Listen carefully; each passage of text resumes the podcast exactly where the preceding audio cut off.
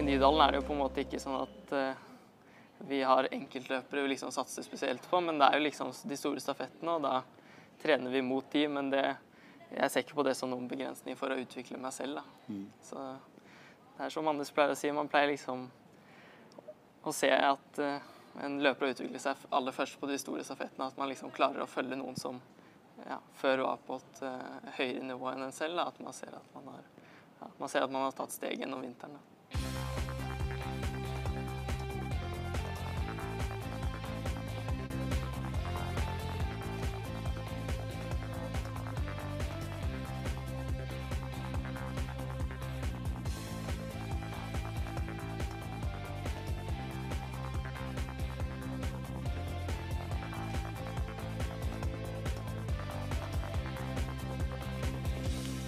Hej där! Varmt välkomna till ett nytt avsnitt av Radio O-ringen Podcast. Det här är nummer 125 i ordningen och det er första nu efter O-ringen 2019 i Kolmården.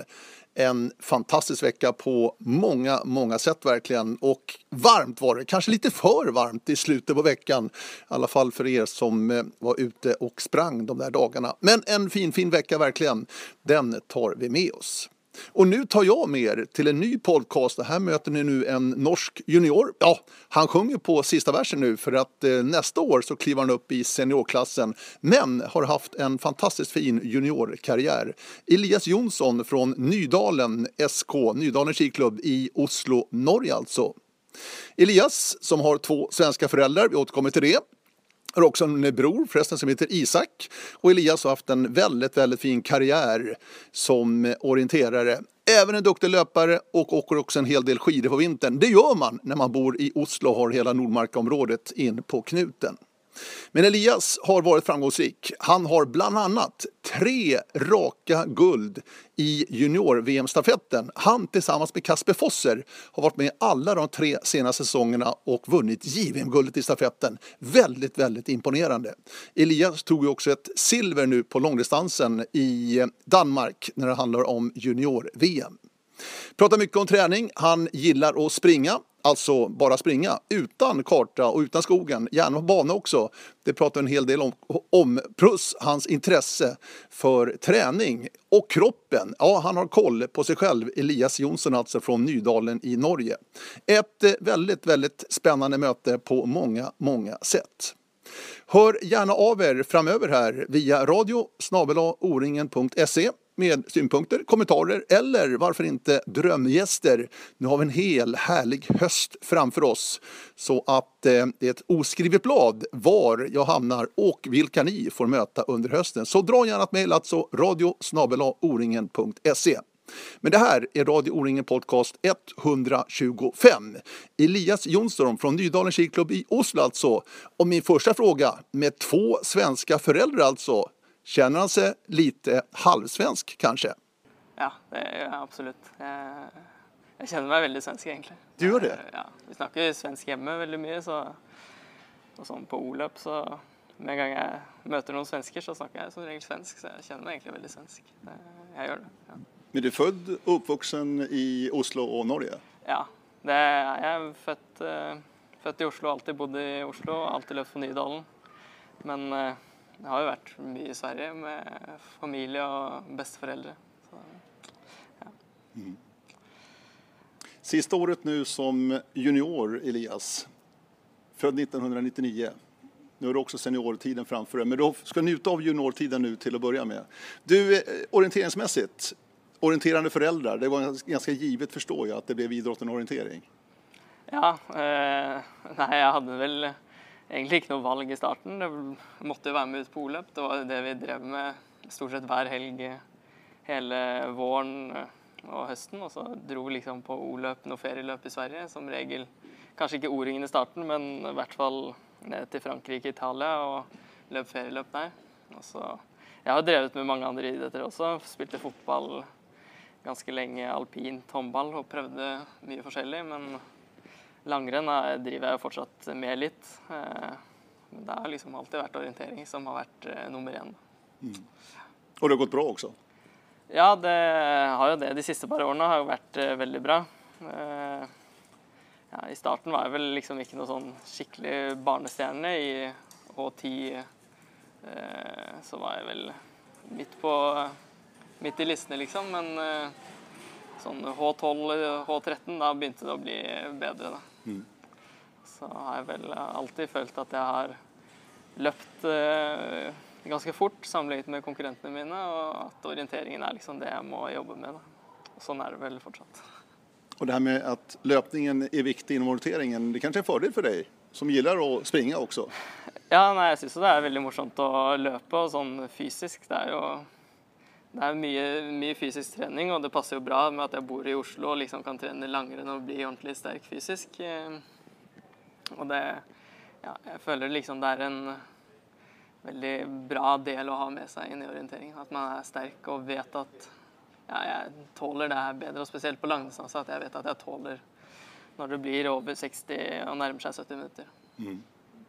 Du, eh, jag har fått ett par mejl faktiskt som har önskat dig som gäst här i Radio Oling Podcast, vilket är väldigt trevligt. Ja, ja. Jag träffade din kompis Kasper Fosser förra året och spelade in en podcast med honom. Han var ju kung nu verkligen i Århus och Silkeborg under junior-VM den här sommaren. Där ni var väldigt framgångsrika. Du hade också väldigt bra junior-VM, Elias. ja. Godt fornøyd måtte du være? Ja, nei, jeg er jo fornøyd. Eh, Individuell medalje var liksom målet. Det var det man kom for. Eh, Visste jo at Kasper er vanskelig å slå, veldig vanskelig å slå eh, på alle distanser. Så mm, å være liksom tre minutter bak på langdistanse, det er jo det er jo mye, masse tid sånn egentlig, men det, eh, ja, jeg vet liksom at Kasper er på et ekstremt høyt nivå. og ja, da er liksom tre minutter bak er bra, da, og liksom eh, Jeg har hatt noen litt trøblete år de siste to årene. Spesielt vintertreningen har vært veldig dårlig. Og jeg vet liksom at Kasper har, vært, har fått trent godt hele året, og da syns jeg det er helt, helt greit å være tre minutter bak. Ni begge født födda 1999, begge fra Oslo, han har sprunget fra Hemming. Ni måtte ha støtt på hverandre under ganske mange år, du og Kasper, tenker jeg. Eh, ja, det Tevlet med hverandre og truffet hverandre, kanskje trent med hverandre også? Kasper var jo ikke noen sånn kjempeløper da, sånn i H12. Og første gang jeg la merke til han på listene, var vel liksom på et vårløp da han var ja, enten om han var 14, tipper jeg. Og det var liksom første gang jeg la merke til at ja, det er en som heter Kasper. Ja. Da var han vel sånn Kom han vel på syvende-åttendeplass og var litt bak, da, men det var første gang jeg la merke til han. Og, men den eh, høsten og sommeren, da begynte han virkelig å bli skikkelig bra. da. Så da knakk han en kode, og siden det så har vi liksom fighta veldig mye. Og ja, stort sett alle løp har jo liksom vært Slår man Kasper, så gjør man det veldig bra. Det har varit viktigt någonstans för dig också, att ha som måttstock lite grann nästan. Ja, det er jo vi er, altså Jeg er veldig heldig som har fått På alle liksom KM og nærløp og nattløp på høsten, så har vi liksom alltid hatt Vi har vært to veldig bra liksom, i kretsen som møtes veldig ofte på både løp og treninger, og det har har vært veldig viktig. At uh, vi har alltid hatt veldig god konkurranse med hverandre og pushet hverandre. Det er jeg helt sikker på.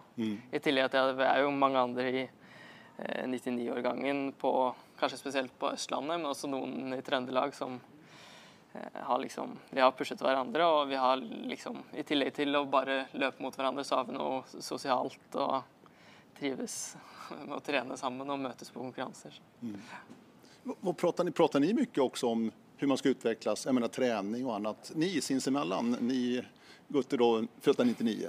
Um, ja, vi har jo Vi hadde jo et sånt eh, Dream Team 99, kalte vi oss fram til junior i Danmark. Og liksom med Isa Heggedal og Per Fosser som liksom trenere. Og vi har liksom diskutert litt hva som krevdes for å lykkes der. Men også guttene oss imellom diskuterer jo liksom hva vi tror er lurt av trening. og det vi snakker jo mye trening når vi er sammen også, litt andre ting også, men eh, det er mye trening det handler om.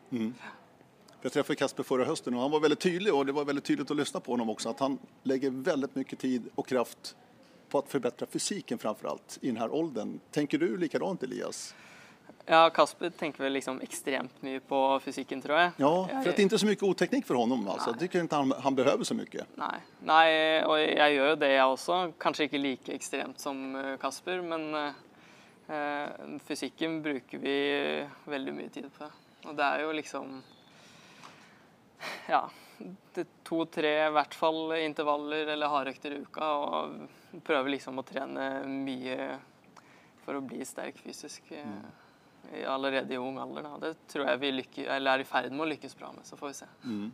Hvordan jobber du med treningen selv, Elias? Enligt eget huvud eller har du noe bollplank? Jobber du med noen som kan trening veldig bra? Eh, nei, jeg har jo Anders eh, Nordberg som trener i klubben, eh, som jeg diskuterer en del med. Ja, I tillegg til at eh, jeg tenker jo en del selv. Diskuterer liksom med pappa og mamma også hjemme. bare ja, og andre liksom, jeg kjenner jeg kan veldig godt diskutere trening med hvem som helst egentlig, og liksom få nye impulser. Um, men det er vel Anders aller mest, i tillegg til at jeg har hatt noen skitrenere opp igjennom som har liksom um, Som jeg har hatt veldig gode diskusjoner med. Da, da jeg, spesielt da jeg var yngre, og liksom ja, Som jeg antageligvis lærte veldig mye av. Och du sa, du åker langrenn fortfarande, så åker rätt mycket skidor på vinteren også, vilket kanskje skonar kroppen en del? Ja, jeg har liksom hatt uh, Vært litt skadet uh, på våren. Uh, og sliter ofte med det. og Det er kanskje fordi jeg går litt vel mye på ski på vinteren. Men sånn eh, for eh, O-løpere og løping i sitt tungt terreng, så syns jeg langrenn er veldig bra trening. Men jeg ser jo liksom at eh, om jeg liksom skal utvikle meg enda mer, så må jeg nok legge bort langrenn og liksom prioritere å få løpt gode økter hele vinteren også. Ja. De siste årene har det vært litt vanskelig, liksom, fordi ja, pga. litt diverse skader og sykdom. Men eh, ja, jeg, hvis det er liksom én ting jeg skal utvikle videre, så er det å løpe mer hele året og øke mengden der. Mm. Men ni har jo sånne fantastiske forutsetninger i Oslo også på vintrene. Ni har jo snø og vinter og veldig fine forutsetninger å åke skidor. Ja, ja. Det er jo, jeg er veldig heldig der, da. Selv om i perioder så skulle man ønske at man kunne løpe mer i terrenget. ja, Men eh, for liksom fysisk trening så tror jeg Oslo er veldig bra. Mm. Og så er vi kanskje litt på etterskudd teknisk eh, på våren, og liksom spesielt vi i Nydalen har nok merket det på tiomila, at eh, det er liksom tøft å hevde seg med litt begrenset teknisk trening og nattøkter gjennom vinteren. Men ja, det vi skal liksom være blant de fysisk aller sterkeste lagene da, så, som, som, stiller på tiomila. Ja. Nydalen SK, eh, ni har jo en lyx å ha Anders Nordberg som eh, klubbtrener. Ja. Han har jo vist rutin og erfarenhet og er jo en fantastisk dyktig orienterere. Ja, nei, vi er veldig heldige der. De... Hvor mye betyr han for deg? Nei, Han har betydd veldig mye. Han eh, ble vel trener i klubben da jeg var det siste året som ungdom.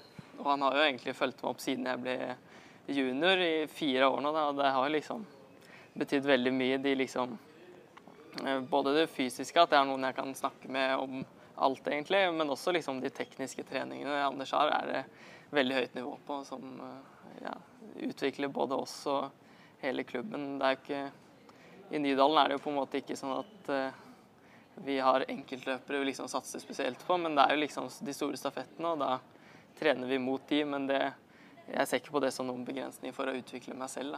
Mm. Så det er som Anders pleier å si, man pleier liksom å se at uh, en løper å utvikle seg aller først på de store stafettene, at man liksom klarer å følge noen som ja, før var på et uh, høyere nivå enn en selv. Da, at man ser at man har, ja, man ser at man har tatt steg gjennom vinteren. Da.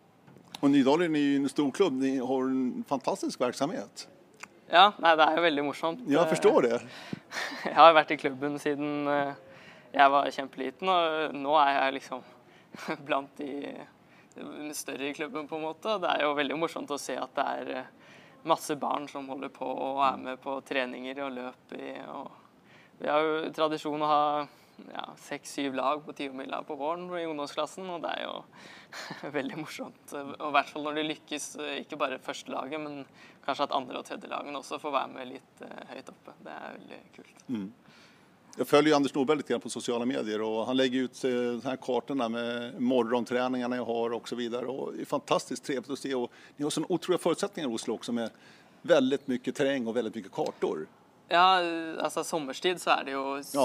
veldig Ja, på sommeren da, ja. uten snø. Ja, på sommeren er det jo veldig, veldig mye kart å ta innover Nordmarka. Og det er jo egentlig veldig synd at vi ikke får brukt uh, alt terrenget vi har. Noe ligger liksom ja, to-tre mil innover i skogen. Da. Det er liksom vanskelig å komme til eh, selv på sommeren.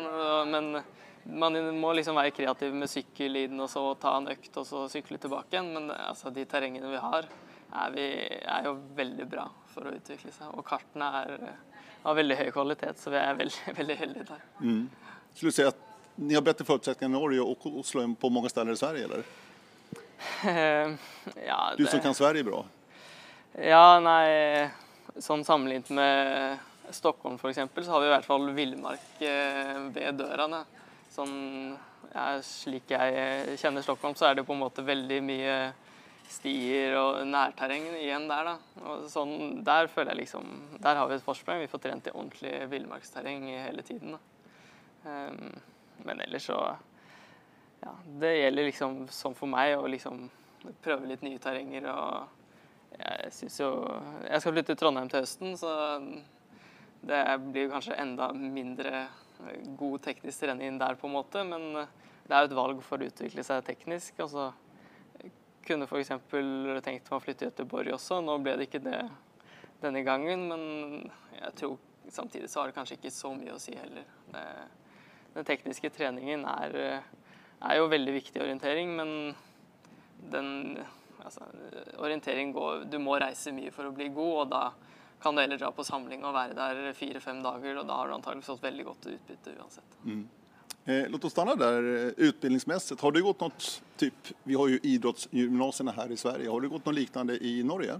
Nei, nei, det har jeg ikke. Jeg har, gått, gått en på vanlig skole helt enkelt? Helt, eller på videregående, da, type gymnasium, så har mm. jeg liksom der har jeg gått sånn med liksom tilrettelagt for idrett, men det har vært på en helt vanlig videregående skole i Nydalen. Så veldig nærme hjemme, og det var liksom det mest praktiske valget. Tre, tre kilometer med sykkel, så det Ja, da tenkte jeg liksom at ja, da kan jeg gå der på helt vanlig skole, for jeg har liksom fått uh, litt ekstra tid til trening på morgenen og um, for kunne liksom Siste året så kunne jeg trene eh, to økter i hvert fall fire dager i uka, og det har liksom vært helt perfekt. da.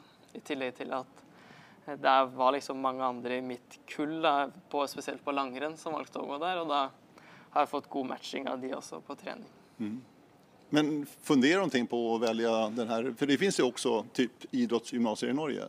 Ja, eh, jeg søkte jo på det og kom inn, men det var liksom Hvorfor skulle jeg Da, jeg, da skulle jeg sittet Brukt nesten en time på å komme meg til skolen og så en time hjem igjen, og det tar mye energi. Og jeg så, så liksom ikke poenget med det, og da har vi Anders sitt opplegg som jeg kan være med på, og det er jo vel så bra som mye annet, og kanskje enda bedre, så da så er liksom ikke poenget med å bruke tid og energi på å sitte på buss i, når jeg like godt kunne vært hjemme eller ute og trent.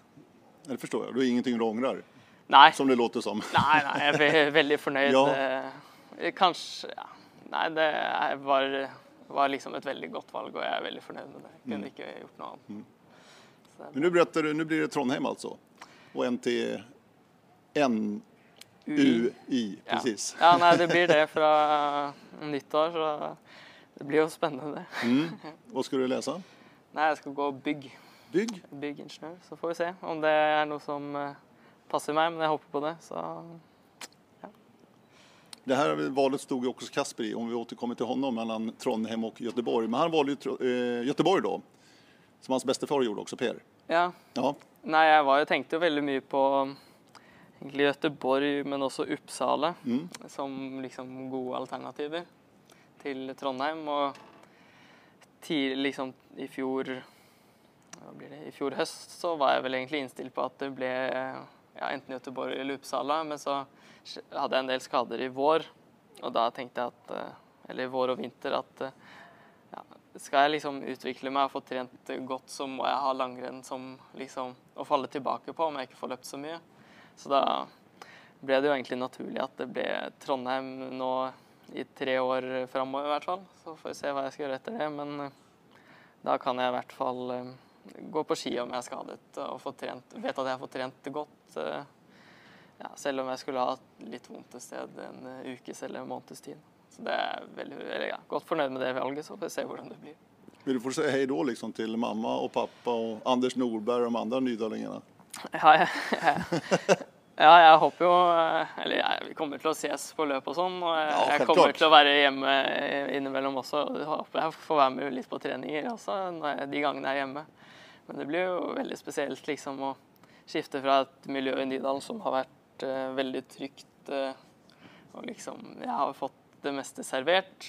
Um, og ja, jeg har ikke gjort så mye selv sånn med tekniske treninger. De har liksom fått også Det her er dagens opplegg, du tar, tar disse postene og enten Ja, det henger ikke skjermer ute på alle treninger i Nydalen, men det er liksom en bra måte å utvikle seg på det også. Men nå blir vi jo liksom en gjeng i Trondheim som må ta ansvar og gjøre, gjøre jobben selv, da. Men det ja. Skal man bli O-løper, så må man ta tak selv. Det er ingen som gjør det for deg heller. Så det, ja, det er en del av gamet, tror jeg. Ja, visst. Og Trondheim finnes også gode forutsetninger for å utvikle som orienterere. Ja, jeg tror det. Og det miljøet som finnes der nå, frister veldig. Og sånn Og liksom De gangene det har kommet veldig gode løpere ut fra Trondheim, har vært da det har trent, blitt trent godt sammen. Og det satser jeg på at vi kan gjøre der nå også.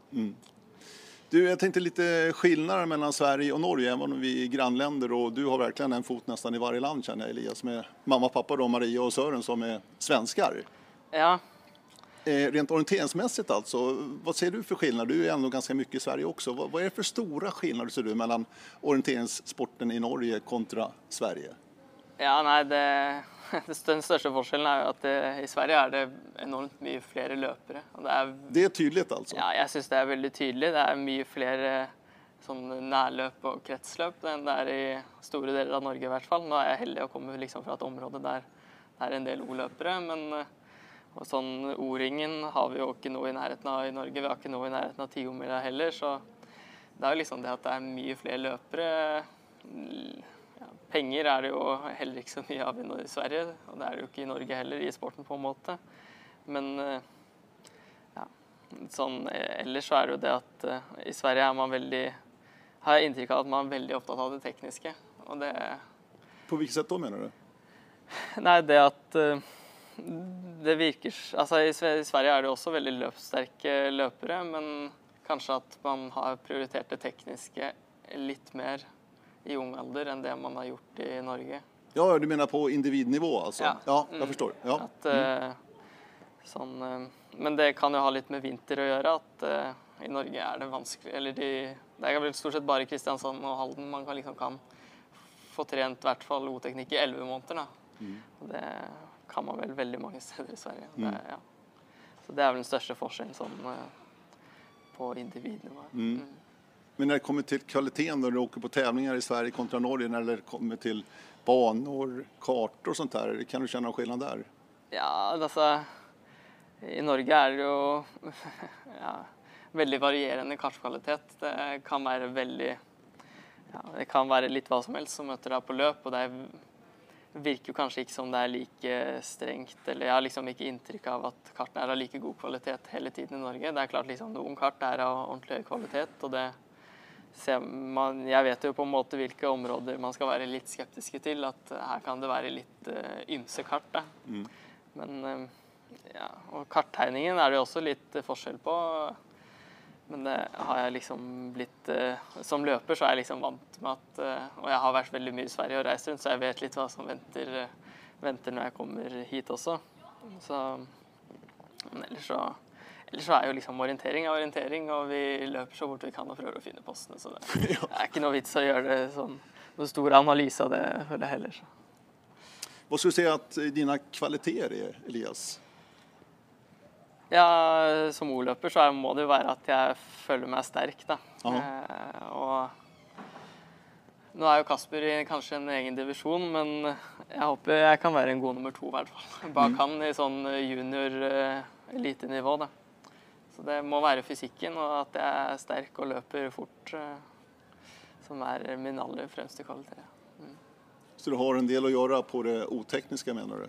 Att bli ännu vassare där och ännu snabbare att fatta beslut och sånt, de här bitarna, eller? Ja, jo, det må jo være liksom det som er uh, akilleshælen min. At eh, ja, teknikken kan være litt eh, dårlig til tider. Det varierer også ganske mye i løpet av et år. På våren kan jeg være veldig usikker, og så får jeg noen perioder liksom, med ordentlig god teknisk trening, og da kan det være bra igjen, på en måte. Men sånn gjennom en sesong så er jeg helt sikker på at jeg har en del å tjene på. Eh, på teknikken, da, at jeg kan tjene en del tid der. För du springer fortfarande lite øvelse på, på bana också. Jag såg att du sprang något förra veckan här innan Nordringen bara, om 3000 meters lopp. Ja, nei, jeg prøver jo liksom ja. å være med og Det er bra for din trening, tykker du? Liksom. Ja, jeg liker jo veldig godt å løpe fort. Ja. Jeg syns det er veldig, veldig morsomt mm. å kjenne liksom at man løper skikkelig fort, og da er jo bane det aller beste. Så jeg syns det er morsomt. Jeg prøver å være med på noen friidrettsløp i løpet av et år, men eh, det er ikke alltid like lett å få til det. Krasjer som regel med et eller annet o-løp. Eh, jeg skulle gjerne vært med mer på friidrett, eh, men det, ja, det, er litt vanskelig å få til. Ja, jeg forstår det. Ja. Men det kanskje er nyttig også om man skal bli enda vassere i fysikken og de her bitene, at virkelig få de her riktig, riktig harde loppen på banen. Ja, jeg tror det. Og så er det veldig målbart eh, at det er det samme fra gang til gang, stort sett. Og det er nok Man blir litt sånn tøff mot seg selv også, at nå har jeg faktisk blitt så og så mye bedre, eller nå har nok treningen gått litt dårligere, det har vært litt sløv, at man har blitt litt dårligere. Så det, det, er jo veldig bra for å få tilbakemeldinger på det. Og på sånne friidrettsløp, så spesielt liksom de løpene der det er noen som er bedre enn deg, så er det jo bare å henge på og se hvor lenge det holder. på en måte. Og da er det jo bare å jobbe med hodet, og det er jo liksom en kamp. da, og Sinnssykt slitsomt, men etterpå så har man forhåpentligvis satt pers, da, og da kan man være fornøyd likevel. Ja. Selv om man ikke holdt helt inn denne gangen. Annars er jo min känsla at orienterare, orienterere, som mange er jo veldig duktige løpere, men de er litt redde å ställa opp i friidrettstävlingar eller terrenglopp då till exempel. Eh, vågar ikke riktig ställa opp der. Ja, det kan jeg være litt uh, enig i, men ja, kanskje spesielt liksom den litt uh, sånn ja, eldre generasjonen på senior nå har nok kanskje vært litt redde for det. Og jeg har inntrykk av at det er mange yngre nå som prøver å være med litt mer, og ikke er like redde, kanskje. Eh, men eh, jeg er nok enig der at det er nok mange som har vært eh, kanskje litt sløve med den mm. liksom fysiske treningen på fast underlag spesielt. De har nok vært veldig rå i terrenget, men at kanskje på fast underlag har man vært litt sløve. Og man ser vel kanskje at mellom sveitserne spesielt og andre mellomeuropeere er veldig veldig raske på hardt underlag. og løper, De løper nok veldig mye mer på banen enn det vi gjør i Norden. Mm. Kommer du fortsette å springe litt banelopp når det passer? Ja. Det du gjør det? Ja, ja. ja, ja. Det... Og det her var 3000 meter forrige uke, Elias. Er det den, den distansen som du trives best med, eller? Ja, ja 3000, 5000, 10 000. Ja. Mm.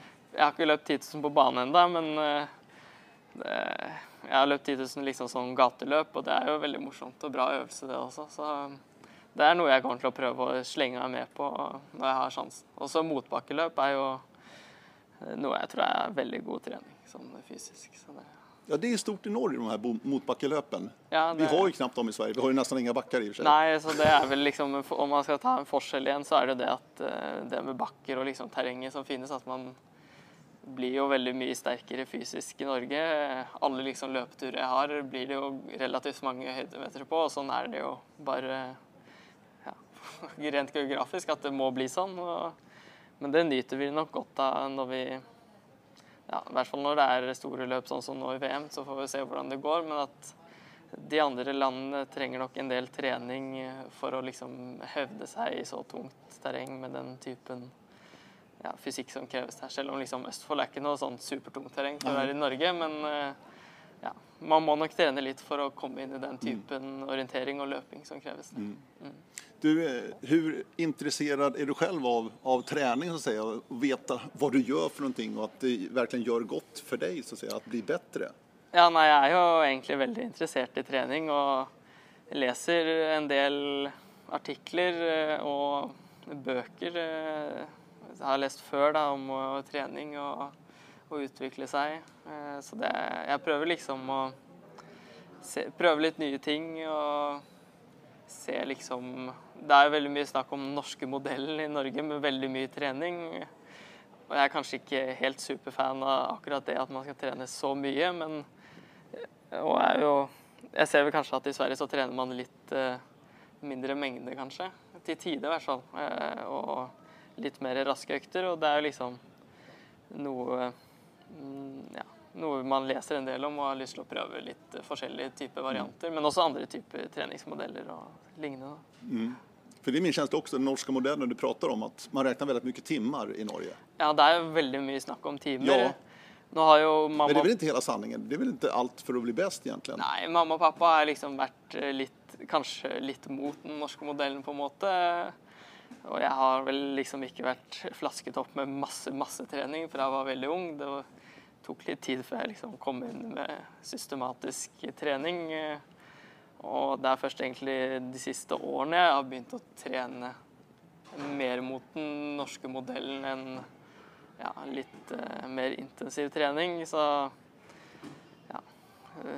Men er, jeg tror det er nyttig å prøve litt begge deler og se hva som funker. og uh, Kanskje i ung alder, spesielt i overgang til senere, at man skal prøve å få litt mer mengde for å tåle litt mer langdistanse og ordentlig trening. Da får man nok et veldig godt grunnlag, ja, grunnlag til ja, en senere, senere karriere. Det er ikke sånn at man trenger å være best eh, når man er 22, men det er jo liksom mer 25 og utover at man virkelig pleier å prestere som eh, O-løper på elitenivå. nivå. Hvor noggrann er du i eh, dokumentere hva du trener, hvor mye du trener, hva du trener, og analysere det hele og titte på hvordan man skal liksom høye for at du kommer inn i seniorrollen nå, Elias, også? Ja, nei, jeg er veldig nøye med å skrive treningsdagbok ja. og prøver å planlegge ja, en måned i forveien planlegger jeg liksom grovt hva jeg skal gjøre den neste måneden. Så jeg er liksom fleksibel eh, og gjør nok en del endringer liksom siste uka. Men siste uka, eller ja, søndagen før en uke vet jeg liksom hva jeg skal trene de syv neste dagene.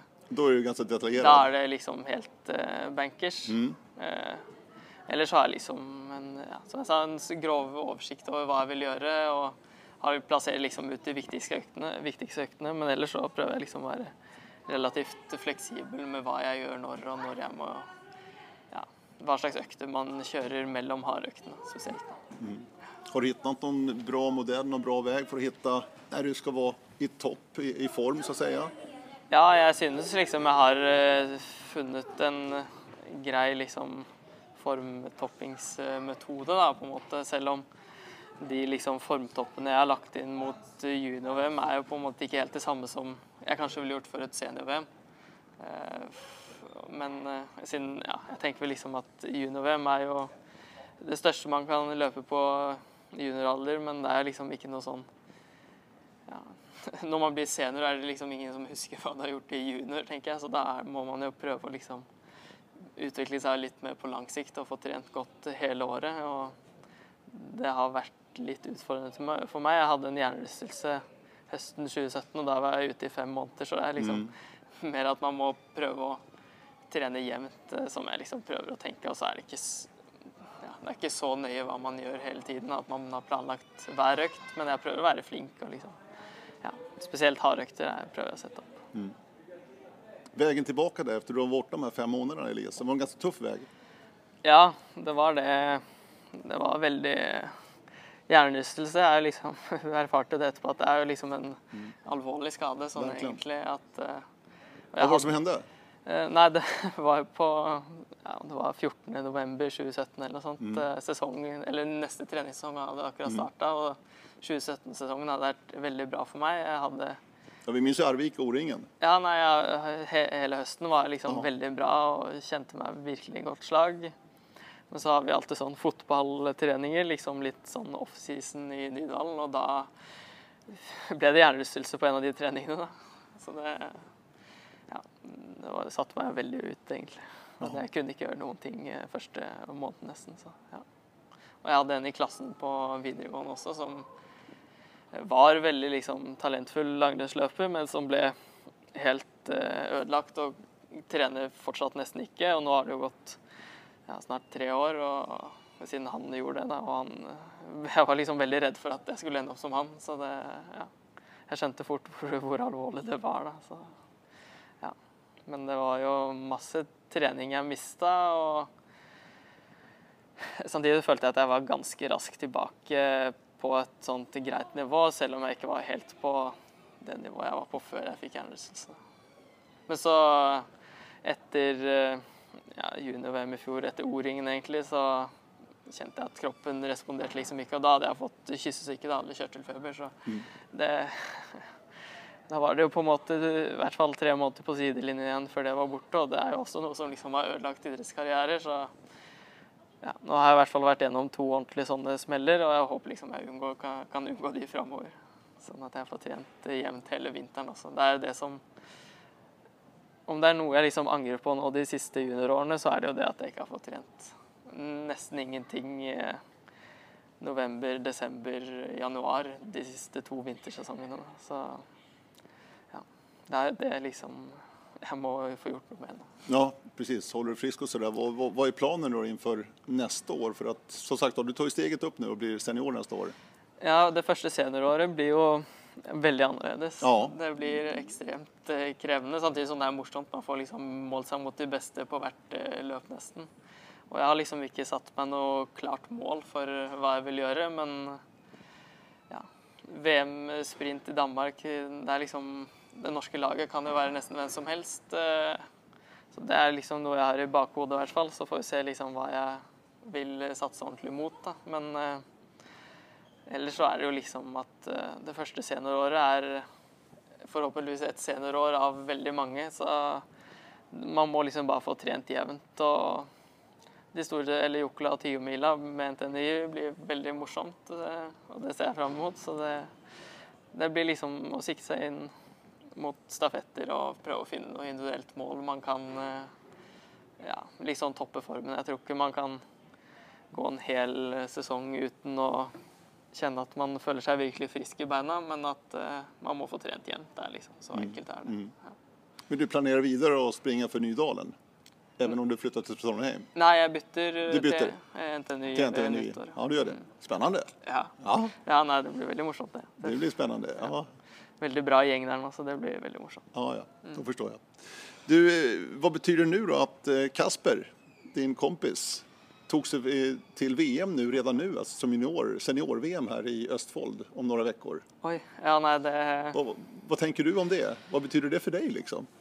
Uh, nei, jeg syns det, det er jo veldig morsomt at han får muligheten. Og Jørgen Rostrup gir liksom unge løpere eh, sjanser til å vise seg fram, og det er jo veldig kult eh, at han gjør det. Og sånn sånn som nå for meg at Kasper er med der, det er jo bare morsomt egentlig, og veldig kult. Jeg vet liksom at jeg var på Kasper sitt nivå for ja, høsten 2017 i hvert fall, og at eh, ja, jeg kan på en måte Eller jeg håper at jeg kan opp der, og det gir jo veldig, veldig motivasjon til å trene godt og virkelig prøve å bli så god man kan. Da. Mm. Så får vi se hvordan Kasper gjør det, men jeg tror han er på et veldig høyt nivå, at det virkelig kan gå bra. Ja, men Her må vi stanne opp litt. grann. Hva tror du innerst inne Elias? Ja, men du vet jo hva Olav Lundenes går for en bra dag. Altså, det tror jeg ikke riktig at han er personlig. Liksom, Om Olav har den, den dagen. om Olav har en bra dag, så er det vanskelig for Kasper å ta gull, tror jeg. Men eh, liksom Topp ti føler jeg meg liksom helt sikker på at han blir med et godt løp. eh, Og får han til et virkelig godt løp, så kan han like godt komme med topp tre eller topp seks. Så ja, det blir veldig spennende å se han der. eh. Men det spørs jo liksom litt eh, Han fikk det jo til veldig bra på junior-VM, og mm, han kan nok ha blitt litt utladet etter det, selv om han liksom ser fram mot VM. Men han fikk jo beskjed underveis i junior-VM at han skal løpe VM, så det er litt spesielt. eh. Men eh, ja, nei, jeg håper at han i hvert fall eh, kan vise seg ordentlig fram. Men, eh, ja, han er jo en virkelig liksom god representant for de unge, kommende O-løperne. Det er veldig, veldig kult at han får løpe der. For du kjente jo på hans fart under VM her i Danmark, Kasper. For han hadde jo en annen fart. Ja, Det är alldeles tydligt om man tittar på tracking och allting. Han har en annen fart. Han har en helt annen fart, ja. Og spesielt liksom siste to tredeler så har han liksom en helt annen fart enn alle de andre som stilte opp. Eh, Og jeg følte jo liksom at jeg hadde jo en bra dag fysisk. Ja. og ja, Jeg kunne ikke vært så veldig mye nærmere han, og han hadde jo nesten en tominutters bom i tillegg. Da, så han har jo et ekstremt høy, høyt potensial, og farten han har, er jo helt, uh, helt utrolig, liksom. Og selv om han er nok ikke på helt på Ola sitt nivå teknisk, men fysisk er han Ja. nok på veldig, veldig nærme Ola, i hvert fall om ikke han er forbi. Jeg er helt enig. jeg är helt enig. Jeg er helt enig med deg, faktisk. Han har en enorm fysikk. just Ja. det. Ja. Du, eh, junior-VM nå i, det var ditt tredje va? Ja, Precis. det var det. Och guld hvert år i stafetten. Ja, Det er helt utrolig. Elias. Jo... er Ja, Kasper du har vært med alle tre. Ja, jeg vet ikke om det er noen som har klart uh, trippel på stafett i eh, form av gull. Det, Det er en bra fråga. Det, Det, det noe knappast trolig. det kan spørs om Kasper og jeg er først der. Ja, det kan være, Det jeg kan vet ikke. Men, ja, men du eh, kan ha rett i altså. det var- fantastiskt ändå. det er, stafett er liksom veldig morsomt. og nå har det jo liksom blitt en greie at Norge vinner herrestafetten på junior-VM og senior-VM. og Det, det er jo bare å prøve å følge opp hvert år, da. Altså. Ja. Men det er jo det er liksom en veldig solid teknisk jobb som må gjøres på hver stafett. Da, og det er jo veldig ja, Nesten litt merkelig at vi har lykkes så bra tre år på rad i junioralder med om vi har vært seks forskjellige løpere som har fått til ja, til sammen eh, ni veldig gode løp. Da. Så det, det er jo veldig, veldig kult at vi har klart det, egentlig.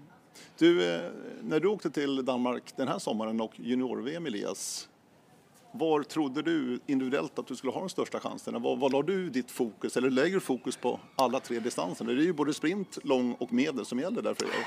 Nei, jeg vet jo at uh, de siste årene på junior-VM så har liksom langdistansen vært uh, der jeg har gjort det aller best. Og eh, kanskje det har blitt en litt sånn mental greie, at det er der jeg føler at jeg har hatt best sjanser i skogen. Mellomdistanse i år har jeg følt at liksom har vært veldig, veldig dårlig, egentlig. At jeg har truffet ganske dårlig alle gangene jeg har løpt mellomdistanse. Og da tipper jeg liksom at jeg har låst meg litt ved at jeg er en langdistanseløper. Selv om jeg egentlig tror at jeg kan lykkes like godt på mellomdistanse. Ja. Sprint har liksom Jeg har trent mye sprint, og det er vel sånn at det er litt flere som kan ta medalje på en sprint enn det er på mellom og lang. Ehm, og jeg hadde jo håpet at eh, jeg kunne være med å fighte om medalje eller topp seks på sprinten også. Jeg føler liksom at jeg har potensial til det. Men eh, ja, sprinten på under-VM var liksom en helt mørk dag eh, Ja. for Norge sine gutter, i hvert fall. Det var helt katastrofe. Det var liksom ingen som fikk det til i det hele tatt. Selv om liksom alle har jo, eller jeg har liksom hatt eh, veldig, et veldig godt parti i løpet også, men jeg har liksom også hatt noen helt katastrofeposter, så det ja. Det er litt mer tilfeldigheter i sprint også som avgjør, føler jeg. Men sånn framover så er det jo liksom ja, Det er jo der man får løpt eh, raskest, og det liker jeg jo. Så jeg kommer jo til å fortsette å trene sprint. og ja, Jeg ser ikke på meg selv noe, som noen sprintløpere om fem år, men at jeg håper at jeg kan være bra der også. Med långdistansen, silvermedalj på lången efter Kasper Fosser. Ja. Dubbelseger for Norge der, men du måste ändå vara nöjd med loppet og en medalj på långdistansen Elias. Ja, nei, jeg hadde liksom noen dårlige strekk teknisk, men fysisk var det bra, så jeg er veldig, veldig fornøyd med sølv der. Så det, nei, det er veldig morsomt. det. Ja. Og tre minutter bak Kasper er liksom mye, men det er vel sånn det er akkurat nå, dessverre. Ja, verkligen. Eh, Du var inne på sprint där. Der Där känner jag att Norge har varit klart efter Sverige i utvecklingen av sprintdisciplinen. Ja. Hva, hva beror det på tror du?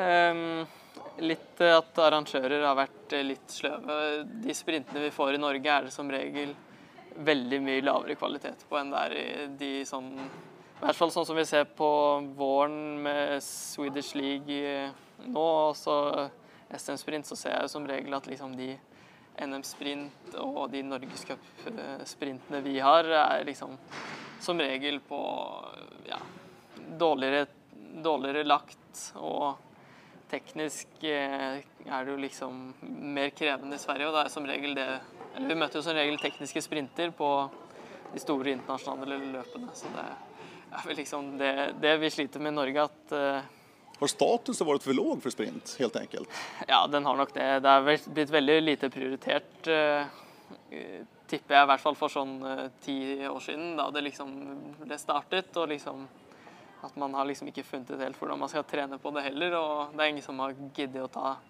ordentlig tak i hvordan man skal gjøre det heller. Og prøve å legge ordentlige løyper på Det er liksom blitt gjort noen forsøk med å legge ordentlige løyper også, og det er jo bra, det. Og det er noen løp med veldig høy kvalitet også i Norge på sprint, men det er også noen med liksom som blir liksom fire kilometer terrengløp, mm -hmm. nesten, da.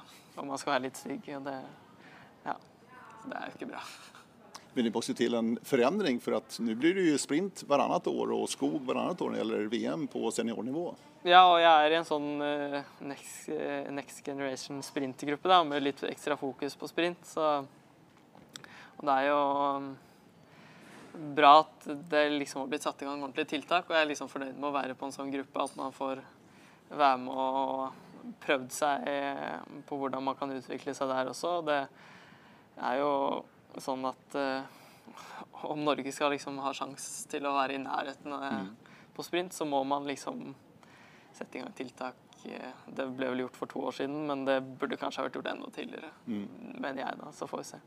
Hva innebærer det her da? Next Generation Lily? Har ni samlinger da og da, eller? Ja, vi har samlinger eh, gjennom eh, ja, hele sesongen egentlig, og prøver å liksom utvikle oss litt ekstra på sprint og sette litt fokus på det, helt enkelt. Ja. Du, eh, vi treffes under O-ringen. Vi sitter i en alldeles tom Himmestad-Lundhall her. Det var det tystaste stedet jeg kunne finne. Ja. Det er mysigt her. Ja, det er fin ishall. Veldig fint. Men det er O-ringen. Hva betyder O-ringen for deg og er familie? Oi. Familien Jonsson? Ja, familien Jonsson. Nei, O-ringen eh, det har jo betydd mye. Vi har liksom Eller mamma og pappa var ikke sånn at de ville ha oss med da vi ikke kunne løpe selv. Så da jeg var veldig liten, så var vi ikke med noe særlig. Eh, men første året jeg løp, var jeg ni i Sælen i 2008. Så, og siden det så har jeg jo vært med stort sett eh, hvert år. Det er jo liksom å få skikkelig god konkurranse fra svenskene spesielt, da. For eh, Og det er jo Ja. Det har kanskje spesielt uh, høy status for svenskene, føler jeg, da. Men at uh, og liksom Slår man noen av svenskene på o-ringen, så har man gjort det veldig bra. Da. For de har som regel veldig høyt nivå på o-ringen. Man merker at det betyr litt ekstra for dem. Mm. Og tykker du om arrangementet, O-ringen, som foreteelse? Ja, nei, det er jo helt fantastisk hvor mange O-løpere som samles på samme sted. Og med buss til løpene, og alt fungerer jo helt strålende, virker det som. Og det er jo ja, det er, det er helt konge, det. Og liksom kart og løyper er liksom av veldig høy kvalitet. og ja, det er liksom veldig god trening også, som ja, i en, en, uke med veldig god teknisk trening også. Så mm. det, veldig, veldig morsomt å være her også. Så det er bra det. Och känslan är ju på juniorsidan då, där du har nu löpt några år, är det ju extremt bra konkurrens för det är väldigt många, inte bara svenskar, även duktiga finländare och utländska löpare i övrigt. Ja, nei, på O-ringen de siste årene har det vært veldig høyt nivå ja, i junior-eliteklassene. At det er veldig mange som har lyst til å lykkes, selv om det liksom kommer i andre rekke hos de som løper junior-VM. Det er jo naturlig, det. Men det er jo liksom vel, liksom, hver dag så er det jo noen løp som er på ekstremt høyt nivå. Og som antakeligvis hadde kommet veldig høyt opp på junior-VM også. Så det kanskje, ja, kanskje vært helt i toppen også. Så det er jo veldig bra. Og du har fått eh, vinne O-ringen også? Ja. Arvika ja. 2017. Det var, det en fin uke Arvika der. Ja, duell med Kasper som vanlig. Yep. Det, det, var veldig bra at jeg tok det hjem den gangen. Det, det ja, det er veldig morsomt. Eh, og liksom jaktstart og sånn, det er ikke så ofte vi får løpt det heller. Eh, så Hva minnes du fra den der avgjørelsen der i Arvika? Oi, nei Jeg vant første etappe med over fem minutter. Ja, exakt. Og så tok jo Kasper et par minutter hver dag resten av uka. Jeg gikk vel ut 20 sekunder bak på jaktstarten. Mm. Men så så jeg han ut fra vet om det var etter sju minutters løping ca. Og vi løp sammen inn mot eh, kanskje den siste ordentlig vanskelige posten. Og vi gikk jo liksom på en bom begge to, så ja, fant, satt vi prøvde jeg å sette beina på jorda og fant posten før Kasper gjorde det. Og da ja, det var jo, Jeg visste jo ikke om Kasper hadde funnet den eller ikke, men det hadde han tydeligvis ikke. da, så det var jo veldig, Litt merkelig måte å vinne på, kanskje, men det var jo veldig morsomt å løpe mot han der, på en måte. Og det er ikke første gangen jeg hadde gjort det, og ikke siste heller. Men det, betyr, betyr jo mye å slå det. Ja. det, gjør det. Det er en stor seger å vinne O-ringen. Ja, Totalt det- så är det i en tuff juniorklass. Ja, nei, det er jo Når man vinner O-ringen, så har man liksom vært en veldig god løper fem dager på rad. Så det betyr jo veldig mye å liksom få bevise på det. Du tittar framåt Elias avslutningsvis här bara. Vad ser du framför dig i din karriär? Vad har du för stora mål framför dig liksom? Vad har du för visioner? Nei, jeg vil jo bli så god som mulig. Det er liksom ikke Nå har jeg liksom ikke satt noe stort mål mot noe VM f.eks.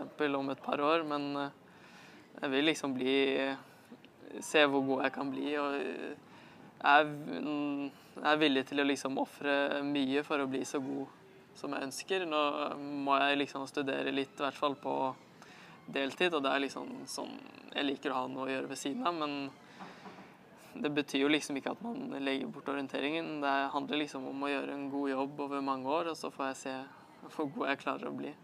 Så håper jeg liksom at jeg kan bli en ordentlig god internasjonal O-løper, så får vi se. Det låter som du er beredd å gjøre jobbet. Ja, nei, jeg håper at eh, Håper at jeg kan få noen gode år med jevn trening, så får vi liksom se. Det er jo ikke sånn at eh, det er eh, nå de første seniorårene hvor man liksom måles. Forhåpentligvis så er jeg god løper på høyt internasjonalt nivå om eh, ti år også, så får vi se. Men det er liksom Ja. Det hadde vært kult å hevde seg ordentlig godt på senior allerede nå et, som førsteårs- og andreårs senior. Det blir nok vanskelig, men må liksom legge inn en god jobb de første seniorårene, så får vi se hvor, hvor god jeg kan bli. Eh, siste spørsmål var, er det noe spesielt å slå en svensk? for deg?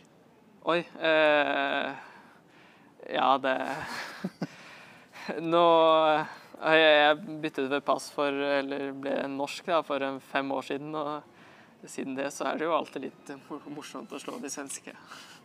Selv om det ikke er noe sånn Jeg føler ikke det er noe sånn spesiell kamp eh, mellom oss, eh, eller mellom liksom meg og svensken. Jeg syns det er gøy å slå svensken, og de syns nok det er litt litt eh, gøy å slå meg også, men når, liksom, når de gjør det bra, eller når jeg gjør det bra, så håper jeg liksom at Eller i hvert fall når de gjør det bra, så sier jeg liksom ja, jeg har liksom vært en liten del av det. Så fordi eh, håper jeg de sier det samme når jeg gjør det bra, at de, de har liksom bygd hverandre litt opp.